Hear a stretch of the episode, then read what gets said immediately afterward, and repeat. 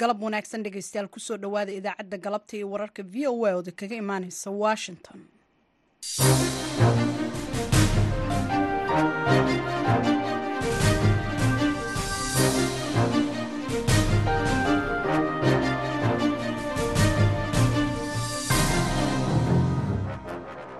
waa talaadaha bisha maarch sanadka kana waa toddoba. Waxaad naga dhagaysanaysaan mawjadaha gaagaaban ee mitrban iyo boggeena v o a somaali com. Saacadda afrikada bari waa afartii galabnimo.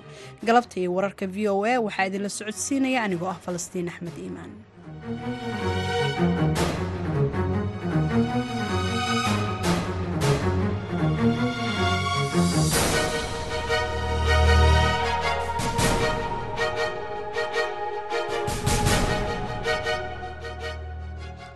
qodobada aad ku dhagaysan doontaan idaacadda galabta iyo wararka v o na waxaa ka mida al-shabaab oo weerartay saldhig milatari oo ku yaalla galbeedka kismaayo. Aroorta hore kooxihii khawaarijta ahaa janaac cabdilabis ciidamada soomaaliya ku hay soo weerareen. Halka janaac cabdallah oo goob muhiim ahayd oo hore ayaga looga qabtay. Marka weerarkaas ay soo qaadeen sidai caadadooda ahayd qaraxyo isxagxiga iyo ismiidaamin bay soo sameeyeen allah ku mahadsan ciidamadii soomaaliyeed halka joogeen way iska difaaceen. Sidoo kale waxaad dhegaysan doontaan ra'iisul wasaaraha britain rishi oo sheegay in dadka ku yimaada britain hab aan waafaqsanayn. Shuruucda socdaalka aan la ogolaan doonin in ay dalkaasi joogaan. Sharciga cusub ee dowladda ingiriisku ay doonaysa inay qulqulka qaxootiga ku imaanaya doomanka ay ku joojiso. Waxaa ka mid a in dadka ku yimaada doomaha ee waddanka soo gala in aan loo ogolaan doonin inay codsadaan qaxootinimo ta kale in ay la dhoofin doono oo loo dhoofin doono waddan kale oo aan la cayimin qodobadaasi iyo warar kale ayaanu idiin haynaa. Marka horese ku soo dhowaada warkii caalamka oo aan idiin aqriyo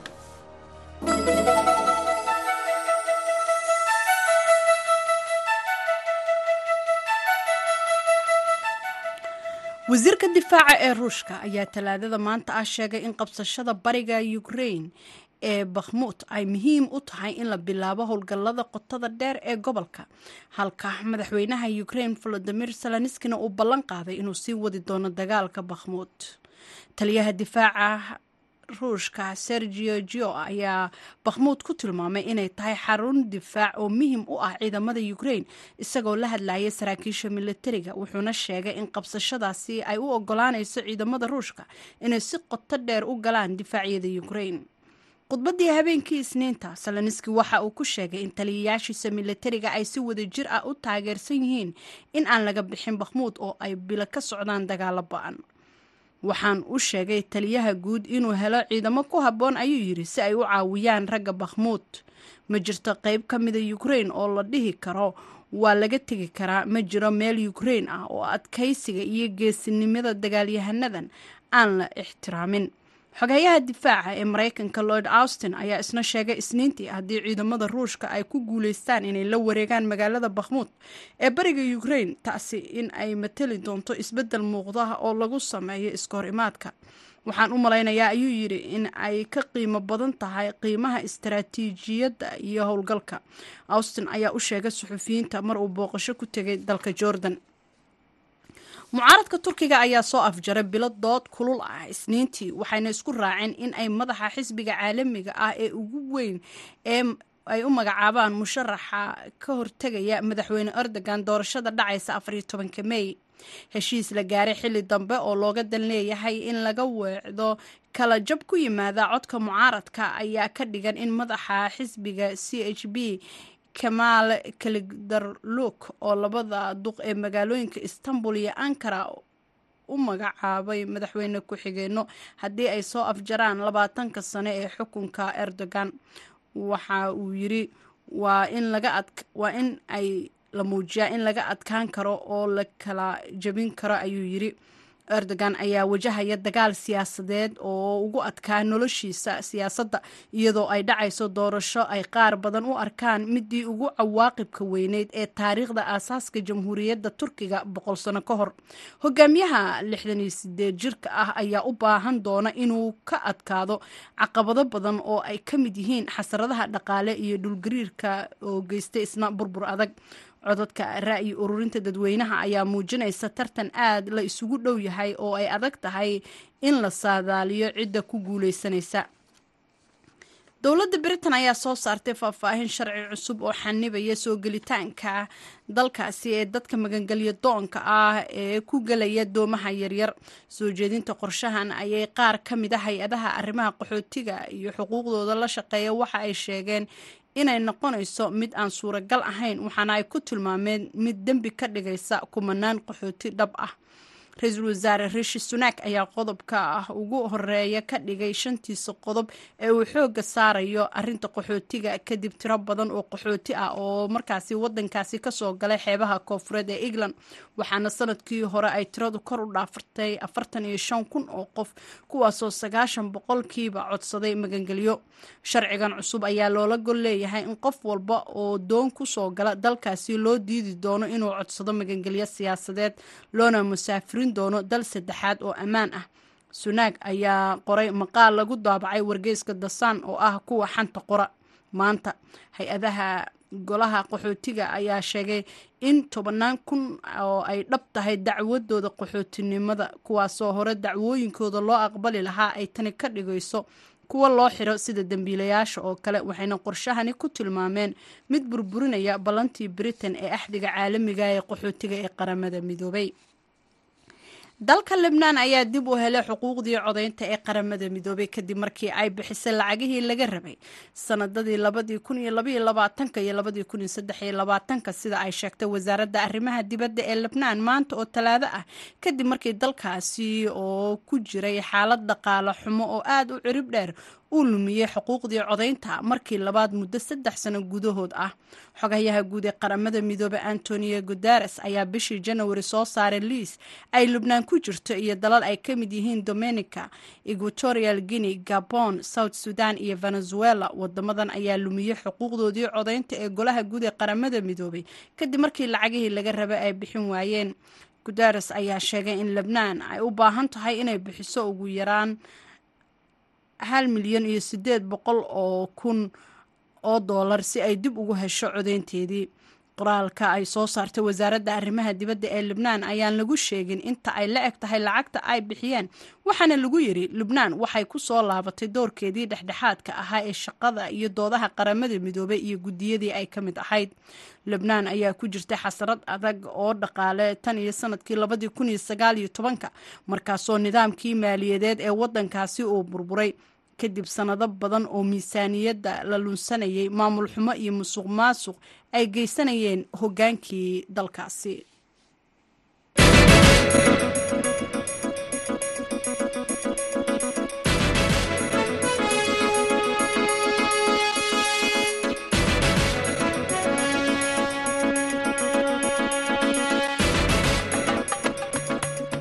halkaad nagala socotaana waa v o a washington maleeshiyada ururka al-shabaab ayaa saaka weerar isugu jira qaraxyo iyo mid maleeshiyaadku ay lug ku leeyihiin ku qaaday xeryo ay ciidamada dowladda federaalka iyo kuwa maamul goboleedka jubbaland ku leeyihiin deegaanka janaay cabdalle oo ilaa iyo lixdan kilomitir dhinaca galbeedka ka xigta magaalada kismaayo.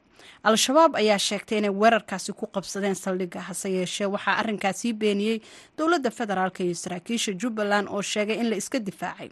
Haddaba weerarkan ayaa haaruun macruuf waxa uu ka wareystay madaxweyne ku-xigeenka jubbaland maxamuud sayid aadan bismillahi raxmaan raxiim harun saad u socotay waa sax weeye saakii aroortii hore waxay khawaarijta ahaa janaac cabdilabis ciidamada soomaaliya ku hayan soo weerareen halka janaac cabdallah oo goob muhiim ahayd oo hore ayaga looga qabtay marka weerarkaas ay soo qaadeen sidai caadadooda ahayd qaraxyo isxagxiga iyo ismiidaamin bay soo sameeyeen allah ku mahadsan ciidamadii soomaaliyeed halka joogeen way iska difaaceen khasaare waa dhacayaayo haddii way ku talagaleen. Ayagana labada dhinacba laakiin waa la iska caabiyey ciidankii iyo maaragtay hawshii.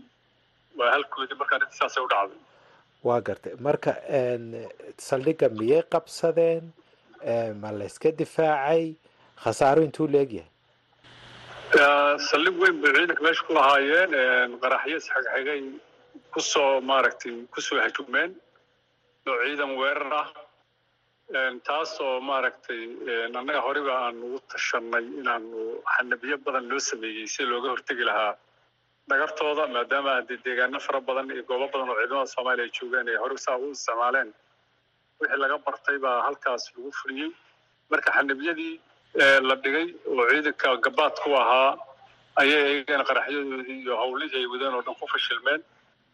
Runtan ciidanku waa la dagaalameen raggii siyaalaha ku dhintayna waa jiraan kuwa ku dhaawacmayna ilaahay ha u boogadhayo kuwa dhintayn haddii sidii culammada soomaaliyaba ay fudwootay waa jilagalayaal ayagana haddii khasaaro badan baa soo gaari haddi ayaga haddii dad ayna ka naxaynin oo dhalinyaro ah oo maskaxda ka khaldeen oo ayagaba isqarxinayo oo isnidaaminaya weeye runtii nasifaradaas way dhacday laakiin waxaa xaqiiqo ah in laiska caabiyey ciidankina uu goobtiisi joogo saldhigiisina uu ku sugan yahay waa gad khasaaraha maxaad nooga sheegi kartaa soo gaaray ciidanka dowladda iyo ka al-shabaab loo geystay?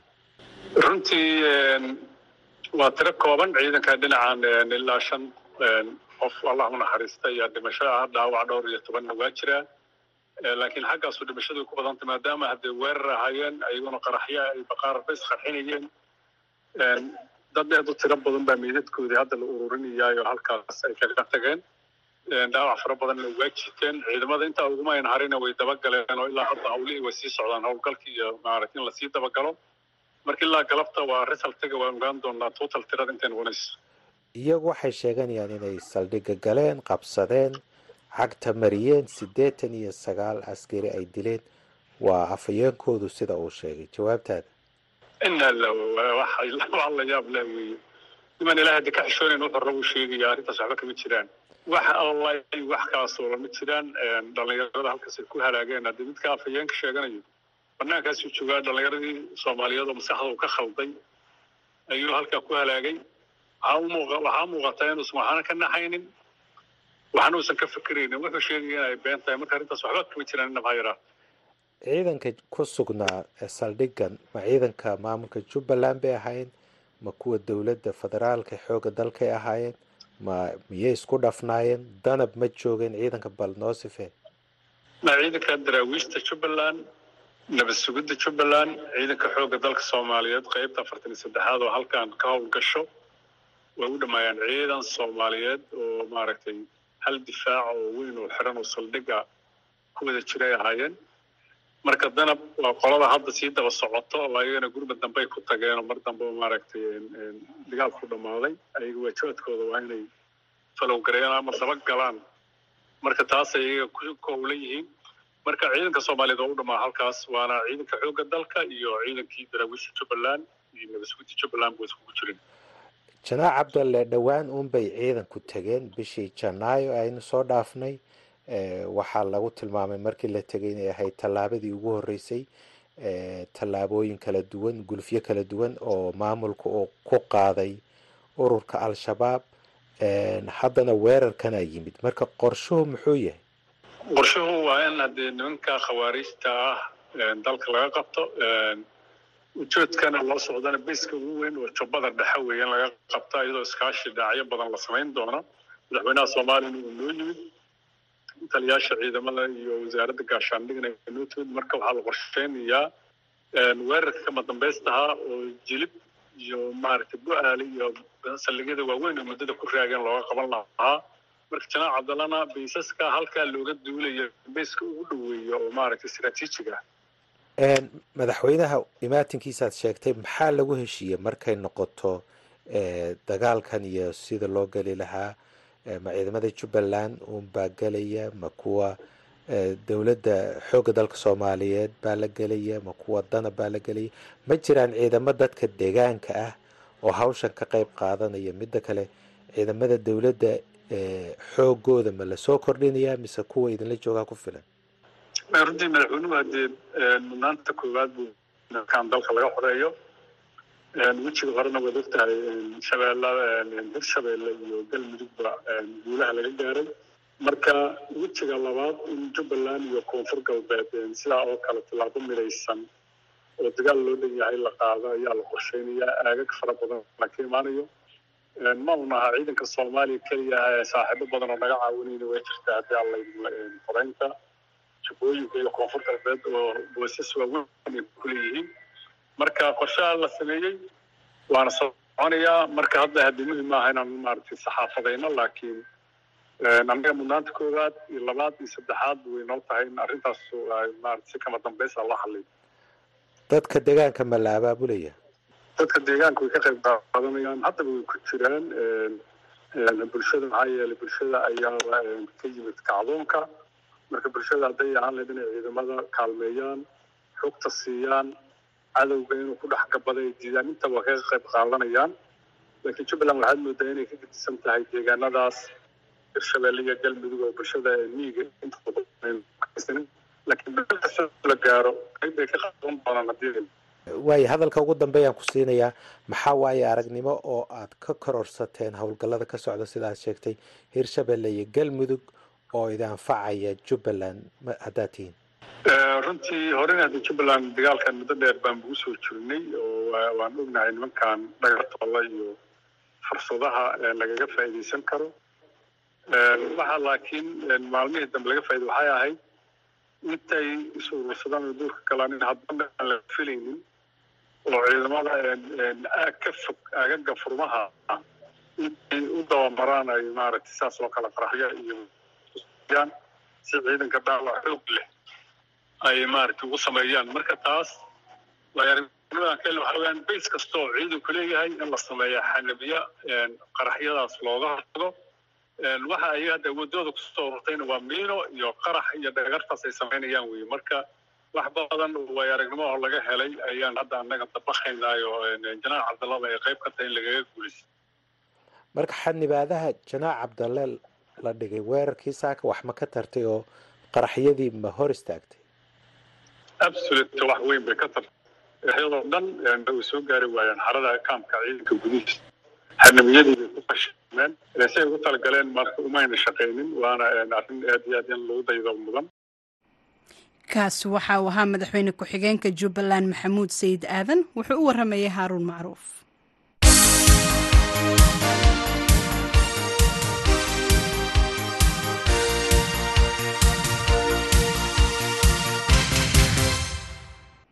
galab wanaagsan dhegeystayaal meel walba aad naga dhegeysanaysaan. Ra'iisul wasaaraha britain rishi sunak ayaa sheegay in dadka ku yimaada britain nidaam aan waafaqsanayn shuruucda socdaalka aan la ogolaan doonin in ay ku sii nagaadaan dalkaasi. Dowladda ayaa la filayaa inay shaaciso xeerar cusub oo ku saabsan arinkan warbixin arintan la xiriirta waxaa magaalada london nooga soo diray wariyaha v o eda ee qaaradda yurub cabdixaafid cawil ismaaciil sannadkii labada kun iyo sideed iyo tobankii bishii disembar ayay ahayd markii uu shilka weyne ka dhacay magaalo xeebeedka kent ee dalkan britain. Waagaas xogayihii dowladii jirtay ee zajid javid ayaa fasaxuu ku maqnaa soo gaabiyey magaalada dofa ayaanu toos u aaday. Halkaasi waxa uu wacad ku maray in ay dowladiisu joojin doonto tahriibayaasha ka soo gudba xeebaha faransiiska ku dhowaad afar sannadood dowladda rishi sunak cadaadis badan ayaa kaga yimi baarlamanka si uu xal ugu helo muhaajiriintaasi ka soo gudbaya biyaha u dhexeeya britain iyo faransiiska ee isticmaala doonyaha ka samaysan looxa iyo caagaga sunak oo la hadlay warbaahinta ayaa sheegay inay dowladiisu celin doonto dadkaas ku soo gudbaya doonyaha wakaalada wararka ee reuters ayuu u sheegay in nidaamka iminka jira dadka ka soo gudba faransiiska ay joogi karaan britain inta kiiskooda dalbashada magangelyada laga eegayo laakiin arrintaasi wax laga bedelayo. Dowladda ayaana sharci cusub soo saaraysa. Qayb ka mid ah ayaanay warbaahintu heshay. Haddaba xeerkan cusub ee ay dowladdu shaacinayso oo qaybo ka mid ah ay warbaahinta britain heleen ayaan wax ka weydiiyey maxamed nuur qalim oo ka faalooda arrimaha britain sharciga cusub ee dowladda ingiriisku ay doonayso inay qulqulka qaxootiga ku imaanaya doomanka ay ku joojiso. Waxaa ka mid a in dadka ku yimaada doomaha ee waddanka soo gala in aan loo ogolaan doonin inay codsadaan qaxootinimo ta kale in ay la dhoofin doono oo loo dhoofin doono waddan kale oo aan la cayimin iyo in qofka mana waddankan laga dhoofiyo una dib dambe waddankan ugu soo noqon doonin iyagoo kolleyta waa samayn doona waxyaaba ay ku garan doonaan sida farahoo kale ama waxyaabo kale ay ku ogaan karaan qofka inuu hore isugu soo dayay haddii inkays uu soo bedesho basaboorka ama magac oo kale. In sharcigu isla waktigii lagu dhawaaqo ee baarlamaanka ingiriiska looga dhawaaqo uu hirgeli doono. Una noqon doono mid marka lagu dhawaaqo la dhihi doono wakti hebel ayuu bilaabi doonaa ee uu noqon doono mid immediately hore ka bilowdo mar alle marka lagu dhawaaqo si looga hortago kooxaha wax dhoofiya ama dadka soo socda. Waxyaabo kaloo badanaa jiro laakiin sharcigani waxay dowladda ingiriiska u samaysay si ay u joojiso qulqulka qaxootigan faraha badan ee sanadkoonaba shan iyo afartan kun ay ka soo gashay si ayna mar kale u dhicin iyadoo la leeyahay kuwo badan ayaa sugaya inay doomankaa ku yimaadaan oo waddamada sida france oo kale jooga iyo meelo kale. Codsiyada magangelyada ee britain midooda yurub celcelis marka la eego waa ay ka hooseeyaan laakiin badiba dadka magangelya doonka ah ee soo gaadha faransiiska ahmiyadooda koowaad waxay tahay inay u soo gudbaan britain sannadkii aynu soo dhaafnay shan iyo afartan kun oo qof ayaa ka soo gudbay biyaha u dhexeeya faransiiska iyo britain.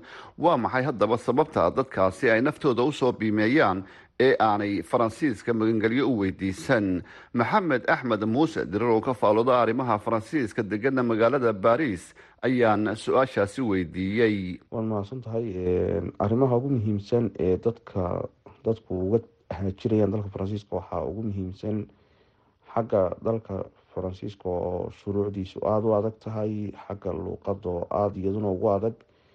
Iyadana waxaan ka marnayn in sharciyadu xagga sharcisiintu iyaduna ay ku yar adag tahay oo dalku aada moodo inuu sidii hore imika uu ka dhimay xagga qaxoontiga inuu qaabilo sidoo kale iyaduna waxaa jirta dadka imanaya badankoodu waxay u badan yihiin dad ku hadla luuqada ingiriisida ama wax ku soo bartayba. Marka marka loo eego xagga ganacsiga xorta ah waxa waxay door bidayaan dadku ama ay ka rajo qabaan inay ingiriisdu ingiriisku ka xagga ganacsiga xorta kaga fiican yahay. Sidoo kale eheladoodii eheladoodii oo aada ugu badan oo dadku ay jecel yihiin inay xaggaa kula midoobaan eheladoodii hadday xitaa tacliin tahay iyaduna ay xaggaas uga fududahay. Waayo maadaamay markii hore wax ku soo barteen xagga luuqada ingiriisida iyo iyadoo ay aada ugu fududeen la qabsashada xagga hadalka luuqada ingiriisidu oo dalka faransiisku aada buu xagga luuqadiisuna u adagtahay shuruucdiisuna u badan tahay ganacsigiisu xor maaha. Marka waa dal runtii ay qofka in badan ku yar qaadanayso inuu hore ula qabsado waxyaabahaasa ugu muhiimsan walaal cabdixaafidow waxyaabaha dadku ugu haajirayaan dalka faransiiska sannadkii aynu soo dhaafnay ra'iisul wasaarahii hore ee britain boris johnson waxa ay dowladdiisu heshiis la gashay ruwanda si loo dejiyo dadka tahriibiyaasha ah ee ka soo gudba biyaha faransiiska muhaajiriintan waxa ay u badan yihiin dadka asal ahaan ka soo jeeda waddamada afghanistan iyo suuriya iyo dad kale oo ay wadamadooda dagaalo sokeeye ka jiraan. Sidoo kalena dad soomaaliya ayaa biyahaasi ka soo gudba. Heshiiskaas waxaa ugu dambeyntii ka hortimi maxkamadda sare ee britain diyaaradii ugu horeysay ee dadka qaadi lahaydna waa la baajiyey. Cabdixaafid cawir ismaaciil v o a london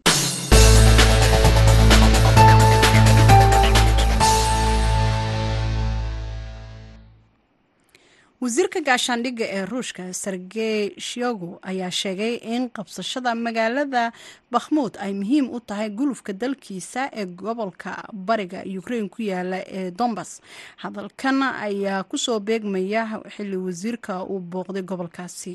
Warbixin ay v o eda arrintan ka qortay waxaa noo haya xuseen barre aadan.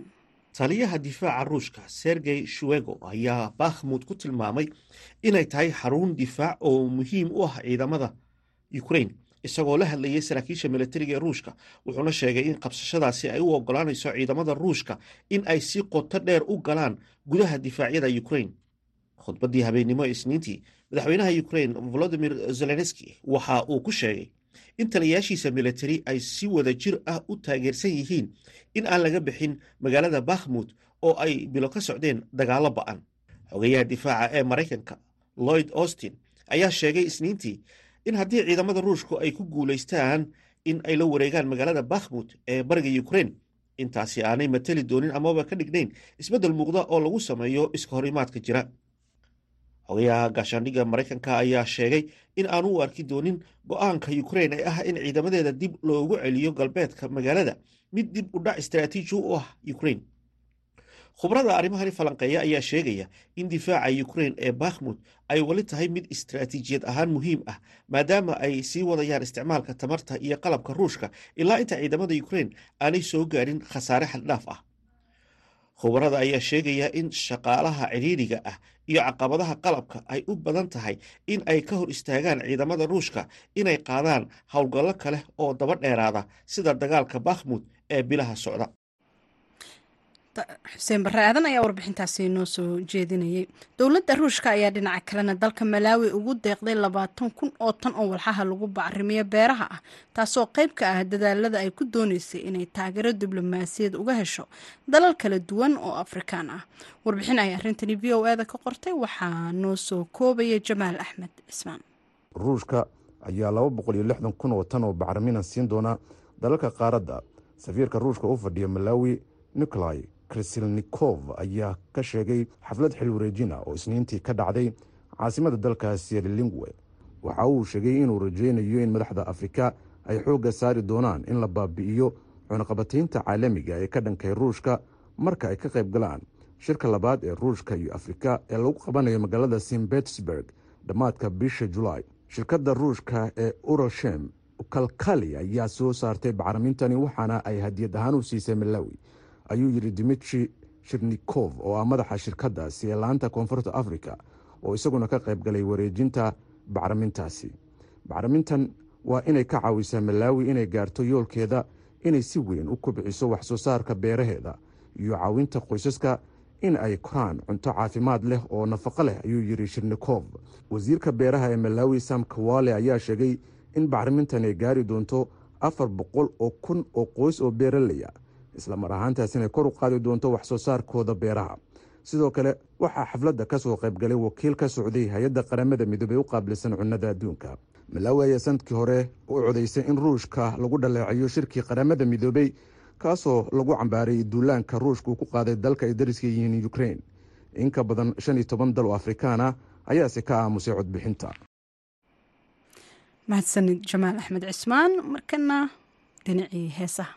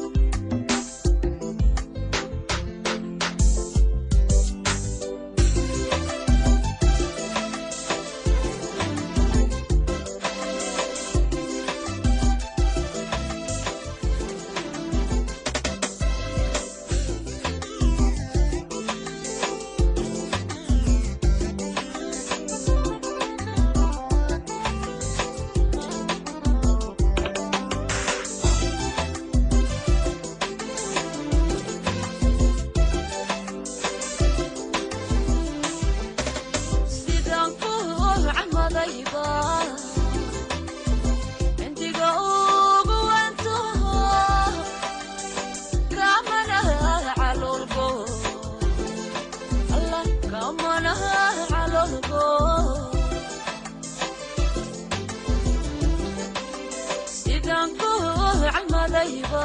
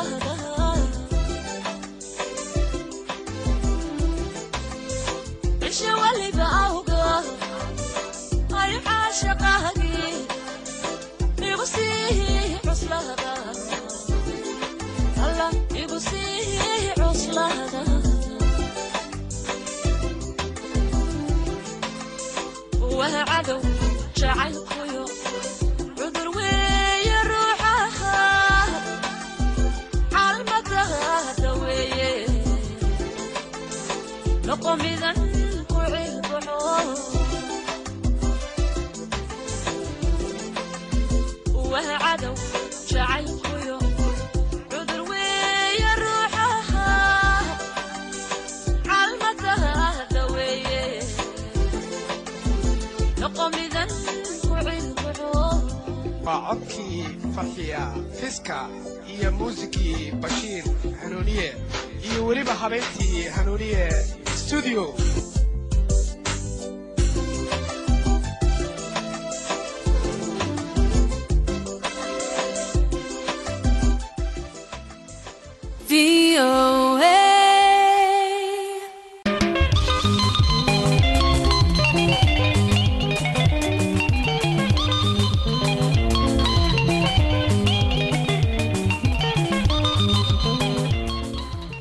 qaybihii ka hare idaacaddeenna ayaanu gudageli doonaa. Dhegeystayaal xubinta dooda gaaban barnaamijkii umuuraha maraykanka iyo warbixino kale ayaanu idiin haynaa. Marka horese ku soo dhowaada qodobadii wararka caalamka ugu waaweynaa oo aan idiin dulmaro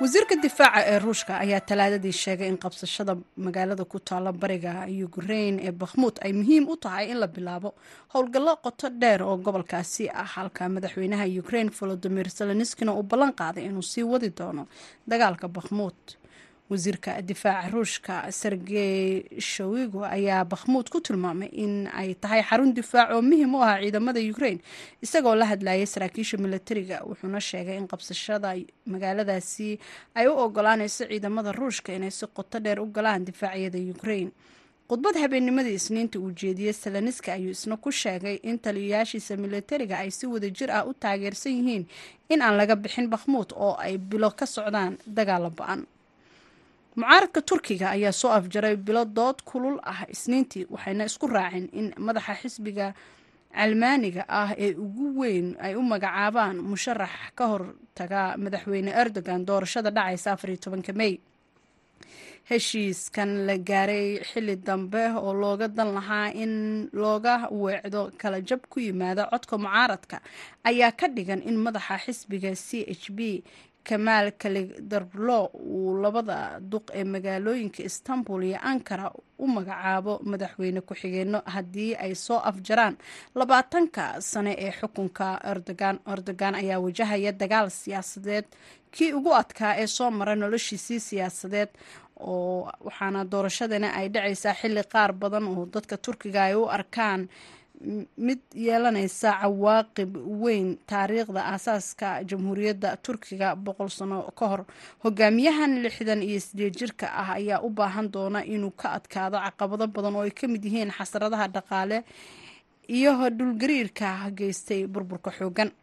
Dowladda britanna waxay soo saartay faahfaahinta sharci cusub oo xanibaya soo gelitaanka dalkaasi ee dadka magangelya doonka ah ee ku soo galaya dalkaasi doomaha yaryar soo jeedinta qorshahan ayay qaar ka mid ah hay'adaha qaxootiga la shaqeeyaahi. Waxa ay sheegeen in ay ka mid noqonayso mid aan suuragal ahayn waxaana ay ku tilmaameen mid dembi ka dhigaysa kumanaan qaxooti dhab ah kiisaskooda ra'iisul wasaare riishi sunaak ayaa qodobka ugu horreeya ee shantiisa qodob ee uu diiradda saarayo waxa uu ka dhigay arrimaha soo galootiga wuxuuna sheegay in qaxootiga ka soo galaya xeefaha koofureed ee england ay u baahan yihiin wax kaqabasho deg dega sannadkii hore ayaa tiradu waxay kor u dhaaftay afartan iyo shan kun oo qof kuwaasoo sagaashan boqolkiiba ay magangelyo codsadeen lebnaanna waxa ay dib u heshay xuquuqdeedii codaynta ee qaramada midoobay kadib markii ay bixisay lacagihii laga rabay sanadadii iyo sida ay sheegtay wasaaradda arrimaha dibadda ee wadankaasi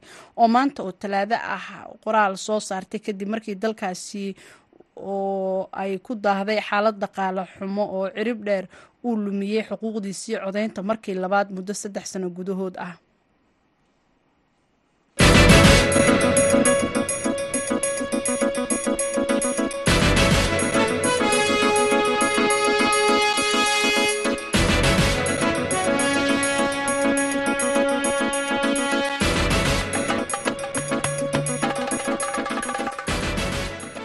halkaad nagala socotaana dhegeystayaal waa v o a washington. Madaxweynaha dalka tunisiya ayaa dhaleeceeyay cunsuriyadda axaddii shalay ahayd waa daraad ahayd wuxuuna sheegay in cawaaqibka sharci ay ka dhalan karto cid kasta oo lagu helo arrinkaasi. Arrinkani waxa uu yimid toban cisho kadib markii uu ku dhawaaqay tallaabooyin uu wax kaga qabanayo muhaajirnimada sharci darrada ah isaga oo isticmaalaya luuqad ay midooda afrika ay cambaareeyeen kuna tilmaameen kuwo ay ku dheehan tahay nacayb isr ah. Warkan oo ay reuters qortay waxaa soo jeedinaysa sahre cabdi axmed markii uu soo baxay bayaanka koob iyo labaatankii bishii febraayo ee ina dhaaftay oo lagu sheegay in ciidamada ammaanka ay eriyaan dhammaan soo galootiga sharci darrada ayaa madaxweyne kiye saciid waxa uu socdaalka sharci darrada ee soo galootiga dalkaasi ku tilmaamay shirqool lagu bedelayo tirakoobka tuuniisiya oo laga dhigi rabo waddan afrikaan ah oo ay ku nool yihiin carab yar. Booliiska ayaa waxay xireen boqolaal muhaajiriin ah milkiilayaasha guryaha ayaa ka saaray guryahooda boqolaal dada halka boqolaal kaleetana laga eriyay shaqada sida ay sheegeen kooxaha xuquuqul insaanka. Tahriibayaal badan ayaa la sheegay in la weeraray iyaga oo markaasi dhagxaan ay ku tuureen dhalinyaro xaafadahooda ku sugnaa. Waxaana kooxaha xuquuqul insaanka ay sheegeen in booliisku ay ka gaabiyeen wax ka qabashada weerarada noocaan ah. Halka madaxweyne siciid uu dhanka kaleeto dafiray cunsuriyadda bayaan uu soo saaray saddex iyo labaatankii bishii febraayo waxa uu ku celiyey aragtidiisa socdaalka inay tahay qorshe bulsho. Axadiina siciid waxa uu si cad uu uga digay cawaaqibka ka dhalan kara ayuu yiri weerarada noocan oo kaleeta ah oo loo geysto dadka soo galootiga ah. Sida ilawareedyo ay sheegeen bayaanka axadii ayuu ku eedeeyey cunsuriyadda wuxuuna ku tilmaamay madaxweynaha waddankaasi ololo ka dhana dalkiisa laakiinse waxaa kaleeto uu intaasi ku daray in tunisia ay sharaf u tahay inay noqoto dal afrikaan ah wuxuuna ku dhawaaqay in la dabciyey shuruudihii fiisaha muwaadiniinta afrikaanka ah taasi u ogolaanaysa inay joogi karaan dalkaasi muddo lix bilood ah halkii ay ka ahaan lahaayeen saddex bilood oo joogitaan ah iyo sidoo kaleeto sanad ardayda ah. Waxaa kaleeto uu sheegay in dadka tahriibayaasha ah ee muddada dhaafay fiisaha ay ka bixi karaan waddankaasi oo dalalkooda ay aadi karaan iyadoo aysan wax ciqaaba aysan la kulmeynin arrinkaasi ayaa yimid kadib markii mas'uuliyiinta ay isku dayeen in ay tarxiilaan. Dad aanan haysanin dhaqaale iyaga oo markaasi bixinaya ganaaxyo la duldhigay. Waxa uu ku tilmaamay tallaabada uu qaaday ee tahriibka sharci darrada inuu yahay ololo ka dhana tahriibinta dadka. Wuxuuna ku tilmaamay sharciga ay soo saareen sannadkii labadii kun iyo sideed iyo tobankii oo ka dhanka ahaa takoorka uu sheegay inuu ahaa weerarka qof kasta oo loo geysto soo galooti ah mid uu ka hor imaanayo islamarkaasina ajaanibka ciddii ku gafta lala tiigsanayo xisbiga mucaaradka iyo kooxaha xuquuqul insaanka ayaa sheegay in caburinta siciid ee ka dhanka ah dadka soo galootiga ay ku soo beegantay xariga madaxda sare ee mucaaradka xilli la xiray loogana gol leeyahay in laga jeediyo indhaha dhibaatada dhaqaale ee dalkaasi tuunisiya madaxweyne siciid madaxweynaha dalka tunisiya ayaa la wareegay awoodihii ugu badnaa ee dalkaasi sannadkii labadii kun iyo koob iyo labaatankii isaga oo xiray baarlamaankii la soo dhaafay ee dalkaasi. Waxa uuna ku dhaqaaqay dikreetooyin uu soo saaray iyo dibqorista dastuurka tallaabooyin dadka ka soo horjeeda ee mucaaradka ku ah ee xisbiyada siyaasadda ugu waaweyn dalkaasi ay ku tilmaameen inay tahay afgembi waddankaasi uu ku sameeyey sahre cabdi axmed ayaa warbixinta wakaaladda wararka ee royters noo soo jeedinaysay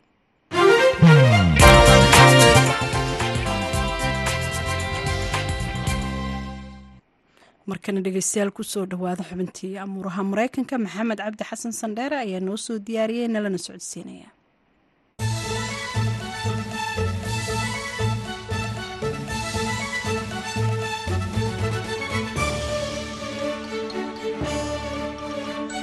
kulanti wanaagsan dhegaystayaal kuna soo dhowaada barnaamijkii amuuraha maraykanka tartamayaasha xisbiga jamhuuriga ee la filaya in doorashada madaxtinimo ee maraykanka ay ka qayb galaan ayaa durbo bilaabay inay isu soo qabsadaan. Dhinaca kale madaxweyne baiden oo sida caadada ah noqon doona tartamihiisa xisbiga dimuqraadiga ayaa wada dhaqdhaqaaqyo uu isku muujinayo. Haddii aynu ku horrayno dhinaca jamhuuriga waa kuwee tartamayaasha ugu cadcad ee ilaa iyo hadda fagaarayaasha ka soo muuqda. Waa kan maxamuud xasan musharaf arrimaha maraykanka aqoon leh kuna sugan magaalada denver ee gobolka colorado. Maxamedow doorashada maraykanka ee laba kun iyo afar iyo labaatanka runtii labada xisbiba dhinacan dimuqraadiga waxaad moodaa inuu madaxweynuhu kolleyba u sharaxan yahay oo isqabqabsi badan lagama arag. Laakiin xaggan jamhuuriyiinta ragga hadda safka hore ku jira oo saxaafaddu ay aada wax uga qorayso waxaa ugu horreeya madaxweynihii hore maraykanka donald trump nin florida governor ka ah oo desantis la yidhaahdo oo isaguna runtii aada u cadcad gabadh united nationka u fadhiyi jirtay maraykanka oo nicky haley la yidhaahdo oo iyaduna musharaxiinta ka mid ah iyo madaxweyne ku-xigeenkii hore ee maraykanka mark bens dadka hadda la soo qaadan karo afartaasaa ugu horreeya. Afartaasna labada ugu sii horreeya oo hadda laga hadlayo waxa weeye governorka florida desantis iyo trump. Marka desantis ninka la yidhahdaa waxaad moodaa jamhuuriyiintu inay isaga wataan gaar ahaan wixii la odhan jiray establishmentiga ama dhaqamadii iyo caadooyinkii xisbiga lagu yaqaanay dadka aaminsan oo trump ku eedeynaya in uu far right yahay ama uu xisbigiisu ajendayaal fog fog aaminsan yahay waxaad moodaa marka bayska marka la eego republicanka hadda ninka starka ah ee hadda soo baxay oo aad saxaafaddu ay wax uga qorayso waxa weeye ninka florida governorka ka desantis la yidhaahdo marka isaga iyo trumpna beryahanba hawada waxay isu marinayeen eedayn kulul oo midba midka kale ah. Inkasta oo trump xagga boolka uu ka yaro horeeyo laakiin isagu si officially ah weli uguma dhawaaqin. Wuxuu kaloo haystaa janiska ah in dhammaan organizationska lacagta ku bixiya jamhuuriyiinta ee dadka ka sharaxan.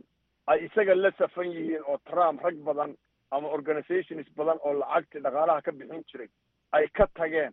Marka kolleyba waxaad moodaa janis aada u weyn inuu leeyahay doorashada soo socota maraykanka.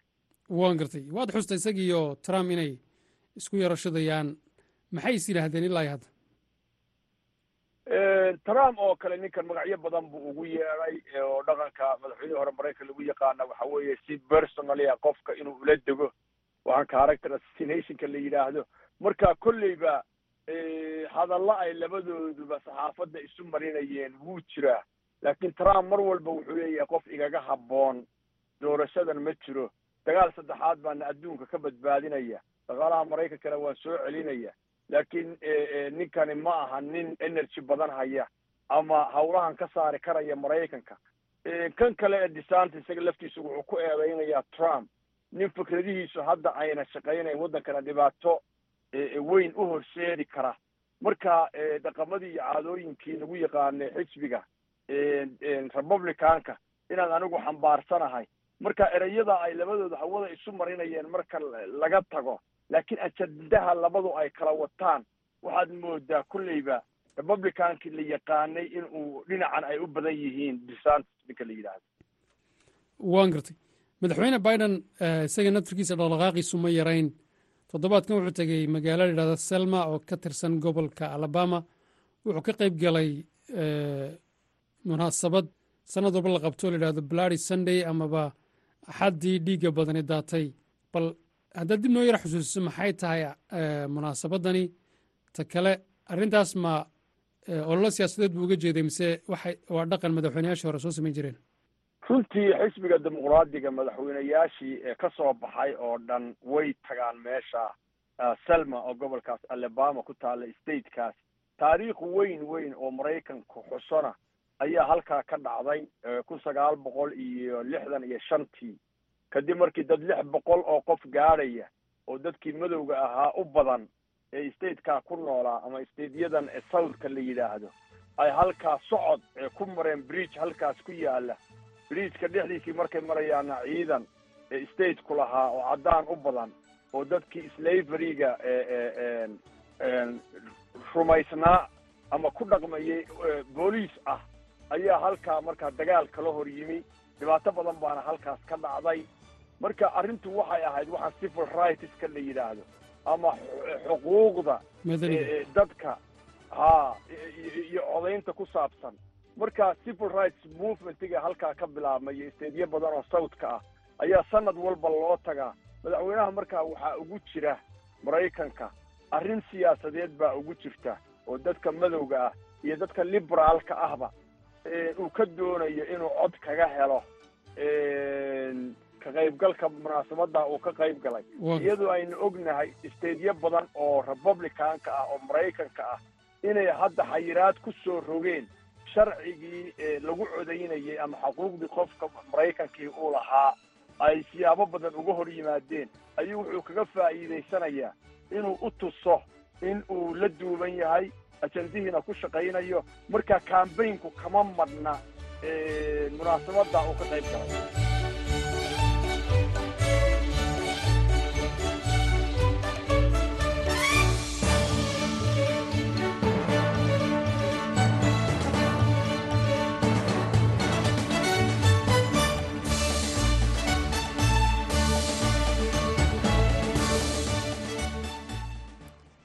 markana dhegeystayaal ku soo dhowaada xubinta dooda gaaban iyo yaasiin ciise wardheere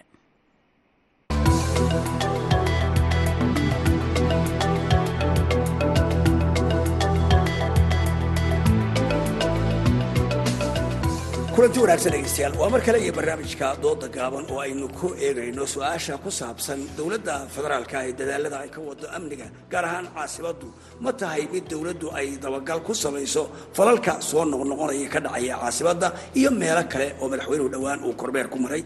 Iyo ra'iisul wasaaraha dalka soomaaliya awaamiirta uu soo saarayo ma yihiin kuwa ay fulin karaan dadweynuhuna ay la shaqayn karaan. Hay'adaha dowladda ammaanku ma yihiin kuwo wada shaqayn la leh shacbiga oo shacbigu ma yihiin kuwo ka turjumaya go'aanada ka soo baxaya dowladda ra'iisul wasaaraha iyo madaxweyneha waa mawduuca dooda gaaban ay ku saabsan tahay. Waxaa igala qaybgalaya maxamed maxamuud calasow iyo ambasador cabdixakiim ogaas cali yaasiin labadu waxay joogaan magaalada nairobi. Waxaan ku bilaabayaa ambasador cabdixakiim bismi illaahi raxmaan raxiim marka hore shacbiga soomaaliyeed waa salaaman yihiin meel kastoo ay joogaan haddaan abbaaro jawaabta su'aashaada magaalada xamar ammaankeedu waa run. Intii dambe ma fiicnin waxaana oqolihii kale dowladiidka iskala wareegeen oo canshuura ka qaadanayeen dekadaha oo suuqana maxkamada ka samaysteen.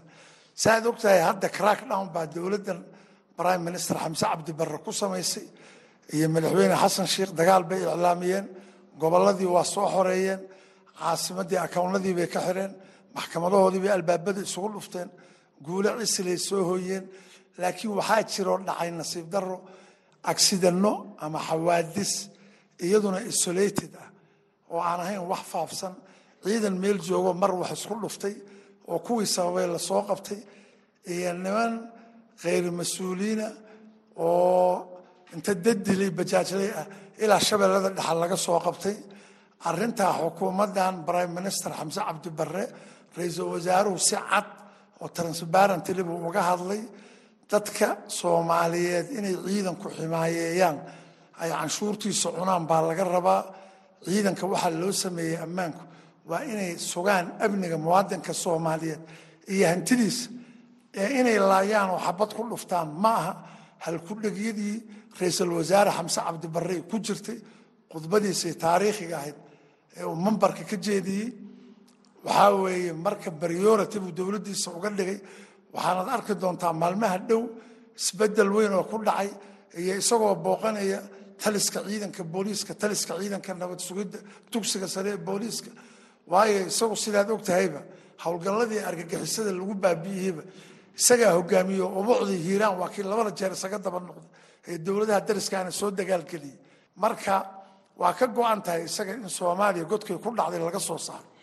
Maxamed maxamuud calasow waa mahadsantaha ustaad yaasiinow walaalkay waa waa uga ra'yi duganah waxaa yeelay dowladda idoo dadkii ay u yihiin diyaar oo ay maaragta loo diyaariyey oo la taageeray meel kasta ayay waxay ka bixi weyday maaragta wax loo yaqaano niman oo meelo jooga oo dowladda nidaamkii hore uu ka tagtay raaligelintiisa safarro ugu tag waxa la yidhaaho tareen nabadeedaa jira.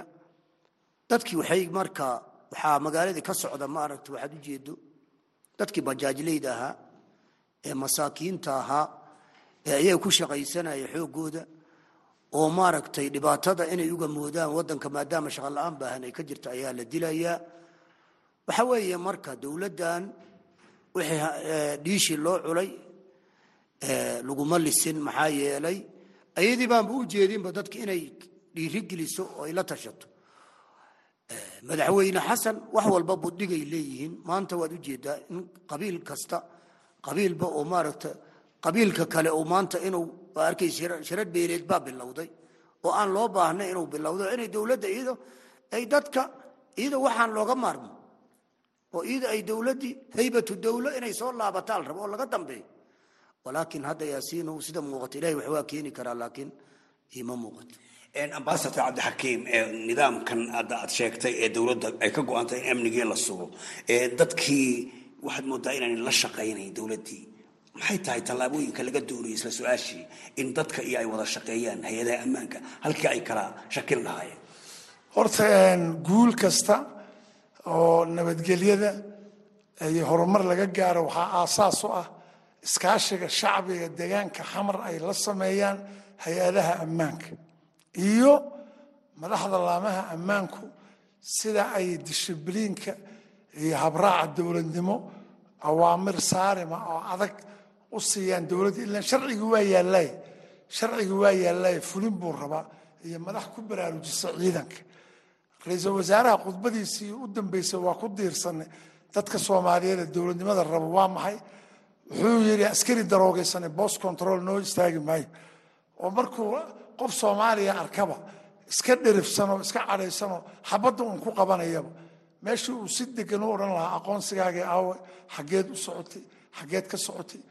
Marka waxay rabtaa wakhti yarna in la siiyo oo aasaas u ah. Dadweynuhuna iskaashigooda waa laga maarmaan dowladdu waa inay wacyigelin ballaaran oo barnaamij arrintaa ku saabsan u samaysaa calasow haddii tallaabadii iyo awaamiirtii ra'iisul wasaarihii iyo madaxweynihii iyo hay'adii ammaanku ay soo saareen qabyaalad loo bedelayo oo dadka ay qabiil ahaan markaa uga hor imaanayaan taa ka waran ee aan lala shaqaynin. Warniyow yaasiinow waxaa meesha yaalla mataqaana wuxuu waxaa la rabaa qofka qadarkiisa waa inuu yaqaano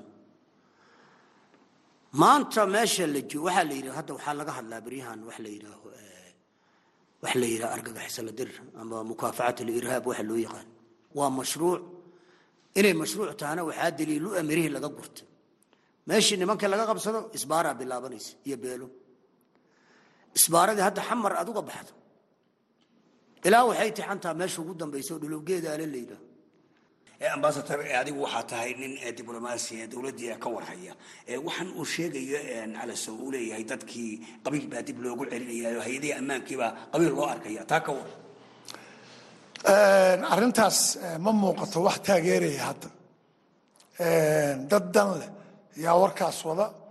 Waa war la rabo dowladdan saaad og tahayba mawjado brobaganda ah baa lagu furay markay dhalatay. Laakiin ma muuqato madaxweyne xasanna waa oday soomaaliyeed. Shanta maamul goboleed isagaa dhisay puntland mooye afarta kale isagaa dhisay oo taagay. Waa ninkaa maalin walba soomaali meeshay joogto ugu tegaya ee dadkii ururinaya ee soomaali weyn isu keenaya ee raba dastuur soomaali ka wada dhexeeya.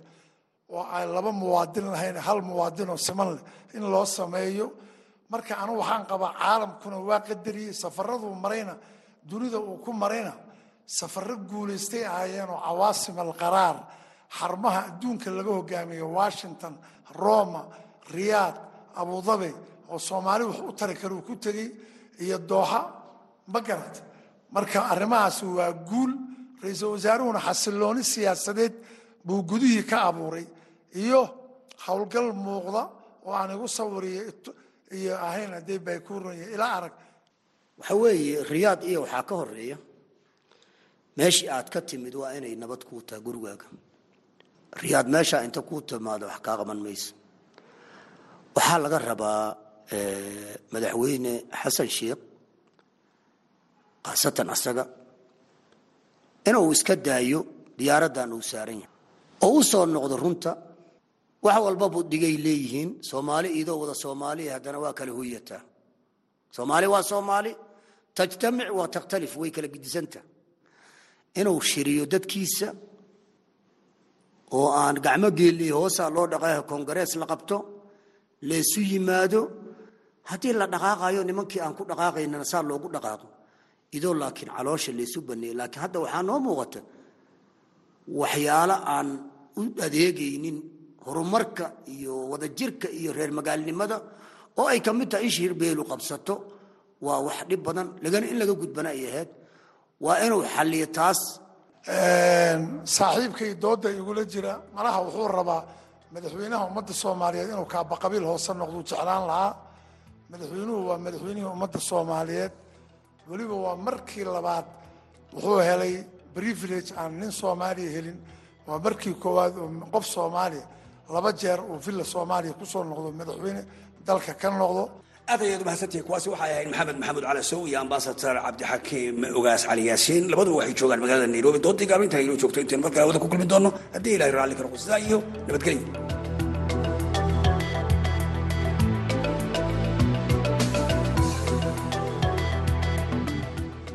anu intaasi ku dhaafno xubinta dooda gaaban iyo yaasiin ciise wardheere markana gabagabadii idaacadda annagoo ku sii dhowaanayna dhinacii heesaha waxaanu idiin soo qabanaynaa codka macaan ee banaxariistii jannaha ka waraabiye cabditahliil warsame